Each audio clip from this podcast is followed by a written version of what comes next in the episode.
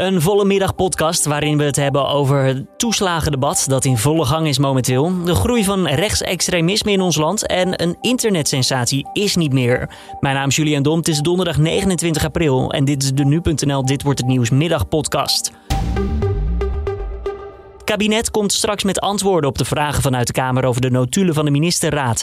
Daaruit bleek dat het kabinet bewust informatie achterhield in de toeslagenaffaire. En ook werd er gesproken over kritische Kamerleden, zoals Pieter Omtzigt, die als irritant werden gezien. De oppositie reageerde boos in de Kamer vanmiddag. Geert Wilders wil bijvoorbeeld dat het kabinet wordt vervolgd. En de bewindslieden dienen zich dan ook allemaal te verantwoorden voor de Hoge Raad. En die procedure is inmiddels gestart. Voor mij mogen ze allemaal achter de tralies. Azarkan van Diende een motie van wantrouwen in tegen het hele kabinet. Waar was dit kabinet mee bezig? Niet met het helpen van die mensen. Niet met het stoppen van het onrecht. Niet met het compenseren van de schade. Deze regering was bezig met het toedekken van het leed en het kort houden van de Kamerleden die het leed aan het licht brachten. De vraag is of die motie het zo gaat halen, want veel Kamerleden willen eerst de antwoorden van het kabinet afwachten.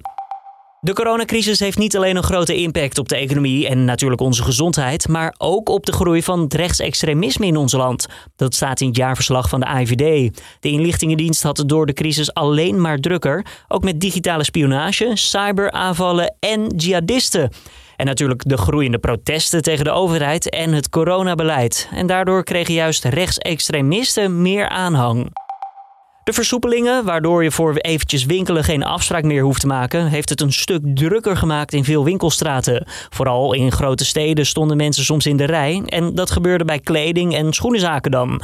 Al met al werd het gisteren ruim 40% drukker dan de week daarvoor, dat blijkt uit onderzoek. Nou, ik weet niet hoe ik moet shoppen hoor. Ik ben helemaal onderheld. Ja, ja, ik weet niet hoe het moet meer, maar het is wel druk overal.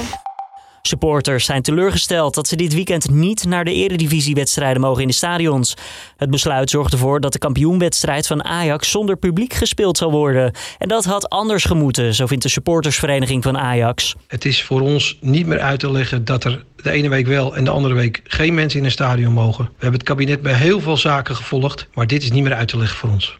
Ook supporterscollectief Nederland is van mening dat je juist wel publiek moet toelaten. Dan uh, nou ja, weet je ook in ieder geval waar een deel van je supporters zijn. Ja, nu blijft het afwachten wat mensen gaan doen, zeker bij de wedstrijden die erom gaan. Dus ja, ook voor de openbare orde uh, kan dit een uitdaging worden. Dus ook vandaar vinden, vandaar vinden wij het een uh, ondoordacht besluit. Ajax is met burgemeester Hansma trouwens in gesprek over een alternatieve huldiging, mochten de Amsterdammers kampioen worden.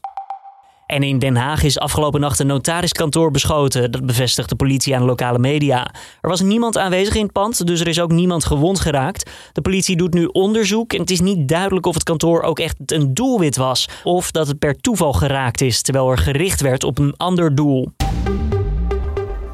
Dan nog even het weer van Weerplaza. Bewolkt en regenachtig, mogelijk met wat onweer. Morgen ook veel bewolking, soms met een bui. En later op de dag knapt het dan een beetje op. Ja, de Spaanse komiek Juan Goya Gorga is op 65-jarige leeftijd overleden. Nou, misschien denk je dan, ken ik die? Waarschijnlijk wel, want de man werd namelijk een hit op het internet vanwege een interview waarin hij hysterisch moest lachen terwijl hij een verhaal vertelde. Luister maar.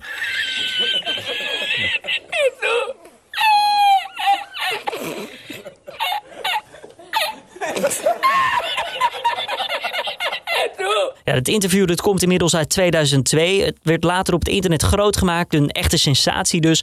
Omdat mensen zelf verzonnen ondertitels toevoegden aan de video. En sommige daarvan werden miljoenen keren bekeken. Dit was dan de Dit Wordt Het Nieuwsmiddag podcast van donderdag 29 april. Tips en feedback zijn altijd welkom. Laat het even weten via podcast.nu.nl. Mijn naam is Julian Dom. Ik wens je een fijne avond. Uiteraard tot morgen weer. Ochtends is Carne van de Brinker met de ochtendeditie van deze podcast. En smiddags geen reguliere middagpodcast. Maar de maand van nu waarin we met hoofdredacteur Gertjaap Hoekman even terugblikken op de afgelopen maand. En dan zullen we het hebben over het coronabeleid. Wat nogal op en neer ging de laatste weken.